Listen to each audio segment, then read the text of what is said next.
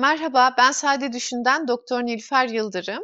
Bütüncül sağlık yaklaşımı ile ilgili podcast serimizin ilkine hoş geldiniz. Öncelikle size bir soru sorarak başlamak istiyorum. Hep duyduğumuz alternatif tıp neyin alternatifidir? Bilimsel ve kanıta dayalı tıbbın yerini alabilir mi? 21. yüzyılda sağlıkta köklü değişiklikler yaşıyoruz. Belki de bir 10-15 sene gibi kısa bir süre sonra Geriye bakıp kendimize soracağız bu kadar ilkel tedavileri nasıl yapabilmişiz ya da nasıl görememişiz bunları diye. Doktorlar artık sadece bir hastalığı teşhis ve tedavi etmeye odaklanmak yerine hastalıkların kökenini araştırmayı, hastalık oluşmadan önceki süreci belirlemeyi ve tabii bu aşamada tedbir almayı daha çok önemsiyor. İşte tıp da buna fonksiyonel ve bütünsel sağlık yaklaşımı deniyor ve sağlık hizmetlerinin de geleceği olduğunu inanılıyor. Alternatif tıbbı fonksiyonel ve bütünsel sağlık yaklaşımından ayırmak lazım. Çünkü günümüze kadar alternatif tıp olarak bilinen geleneksel tıp ya da doğu tıbbı gibi kadim yöntemler yüzyıllardır kullanılsa da sağlık uzmanları tarafından uzak durulurdu. Ve bu yargının da çok geçerli sebepleri var aslında.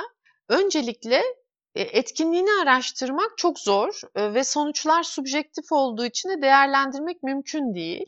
Ayrıca tüm şifa yöntemlerinde olduğu gibi istismar ihtimali de çok yüksek. Uygulayıcıların yetkinliği de ayrı bir sorun. Geleneksel tıp yöntemleri alternatif bir tedavi yöntemi değil ancak tamamlayıcı olabilir. Yani sorumuzun cevabı tabii ki hayır. Ancak bu tamamlayıcı dediğimiz zaman da bir başka konu dikkatimizi çekiyor.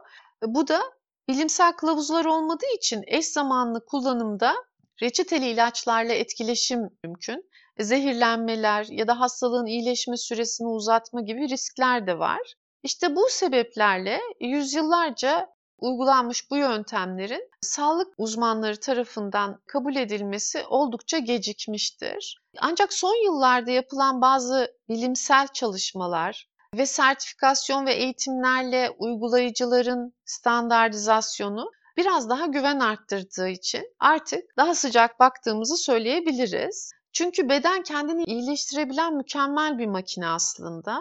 Yeter ki belli bir ortam sağlansın, uygun ortam sağlansın ve gerekli ham maddeler sağlansın. İşte aslında tamamlayıcı ya da bütüncül sağlık yaklaşımı da bu temelden ilerliyor. Yani fonksiyonel tıpta, bütüncül tıpta bedenin kendini iyileştirebileceği hale gelmesi için çaba harcanıyor. Böylece mevcut bir hastalık varsa atlatması kolaylaşsın ya da daha da iyisi hastalık oluşmadan önce önlensin diye. Bu bütüncül tıp yaklaşımı hastanın yaşam tarzını, alışkanlıklarını da dikkate alarak bütünsel olarak inceleyen bir tıp disiplini. Burada doktor sadece hastalığı değil, hastayı yani zihinsel, bedensel, ruhsal olarak iyileşmesini ve esenliğini teşvik etmek için uğraşıyor. Bütüncül tıpta bir hastalığı teşhis etmek veya tedavi etmek için yine modern sağlık uygulamalarından yararlanılabiliyor. Ama bunun yanında tamamlayıcı bazı tedavilerle de tedavinin sürecini kolaylaştırmak, hasta konforunu arttırmak, yaşam kalitesini arttırmak, e, hastalıkla baş edebilme kapasitesini, bağışıklık sistemini güçlendirebilmek. Amaçlanan bu. Bütünleştirici tıp doktorları bu kötü yaşam tarzı seçimlerinin yol açtığı kronik hastalıkların kökenini araştırarak aslında hastalık oluşmadan önce önlemeye yönelik tedbirler almayı da amaçlıyor. Fonksiyonel tıp dediğimiz bütünleştirici tıp felsefesinin çoğunu aslında kapsıyor ama daha da ilerisi yani kişiselleştirilmiş teşhis yöntemleri de bu işin içinde.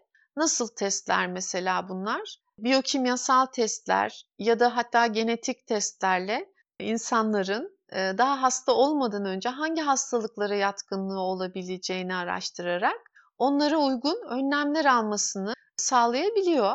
Fonksiyonel tıp belki bir bölüm değil henüz ama çok yakında üniversitelerde de bunlarla ilgili bölümler görmeye başlayacağımıza inanıyorum ben. Çünkü farklı disiplinden doktorların bir araya gelerek hastayı bir bütün olarak incelemesi her hekimin kendi branşıyla ilgili teşhis tedavi yapmasından çok daha sağlıklı sonuçlar doğuruyor. Fonksiyonel tıpta hastalıktan çok birey önemlidir ve bütün tetkiklerinden, beslenme sürecinden, ya da hastanın bütün yaşam tarzı önlemlerinden ve tedavilerine kadar vitamin ihtiyacı, protein ihtiyacı, eser elementlerin işte selenyum gibi, çinko gibi, magnezyum gibi ihtiyacı belirlenerek hastaya özel bir yaklaşımla kişiselleştirilmiş bir sağlık yaklaşımı söz konusudur. Çoğu zaman hastanın sağlık durumu hakkında daha derin bir bilgi edinmek için daha ileri tetkikler yapılsa da aslında hastanın mevcut durumunu tespit ederek eksiklerin tamamlanması ve sonra fonksiyonel olarak iyileşmenin beklenmesi de uygulanan yöntemlerden biri. Fonksiyonel tıpla bütünleştirici tıp aslında e, ya da tamamlayıcı tıp denilen yöntemler aslında çok benzer, birbirine benzer yöntemler. Ufak farklılıkları var. Birinde daha çok hastalığın kökeni inceleniyor. Diğerinde ise kökenine çok fazla inmeden mevcut durumdaki eksikler tamamlanıyor.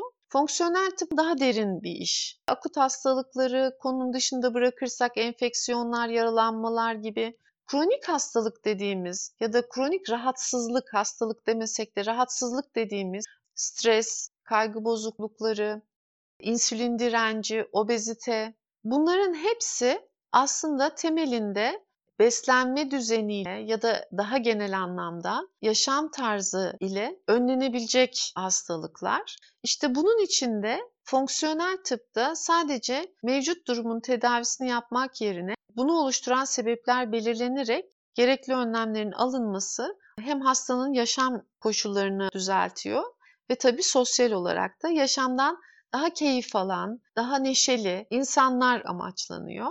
Şimdilik bu kadar. Beni dinlediğiniz için teşekkür ederim. Sade düşünün, sağlıcakla kalın.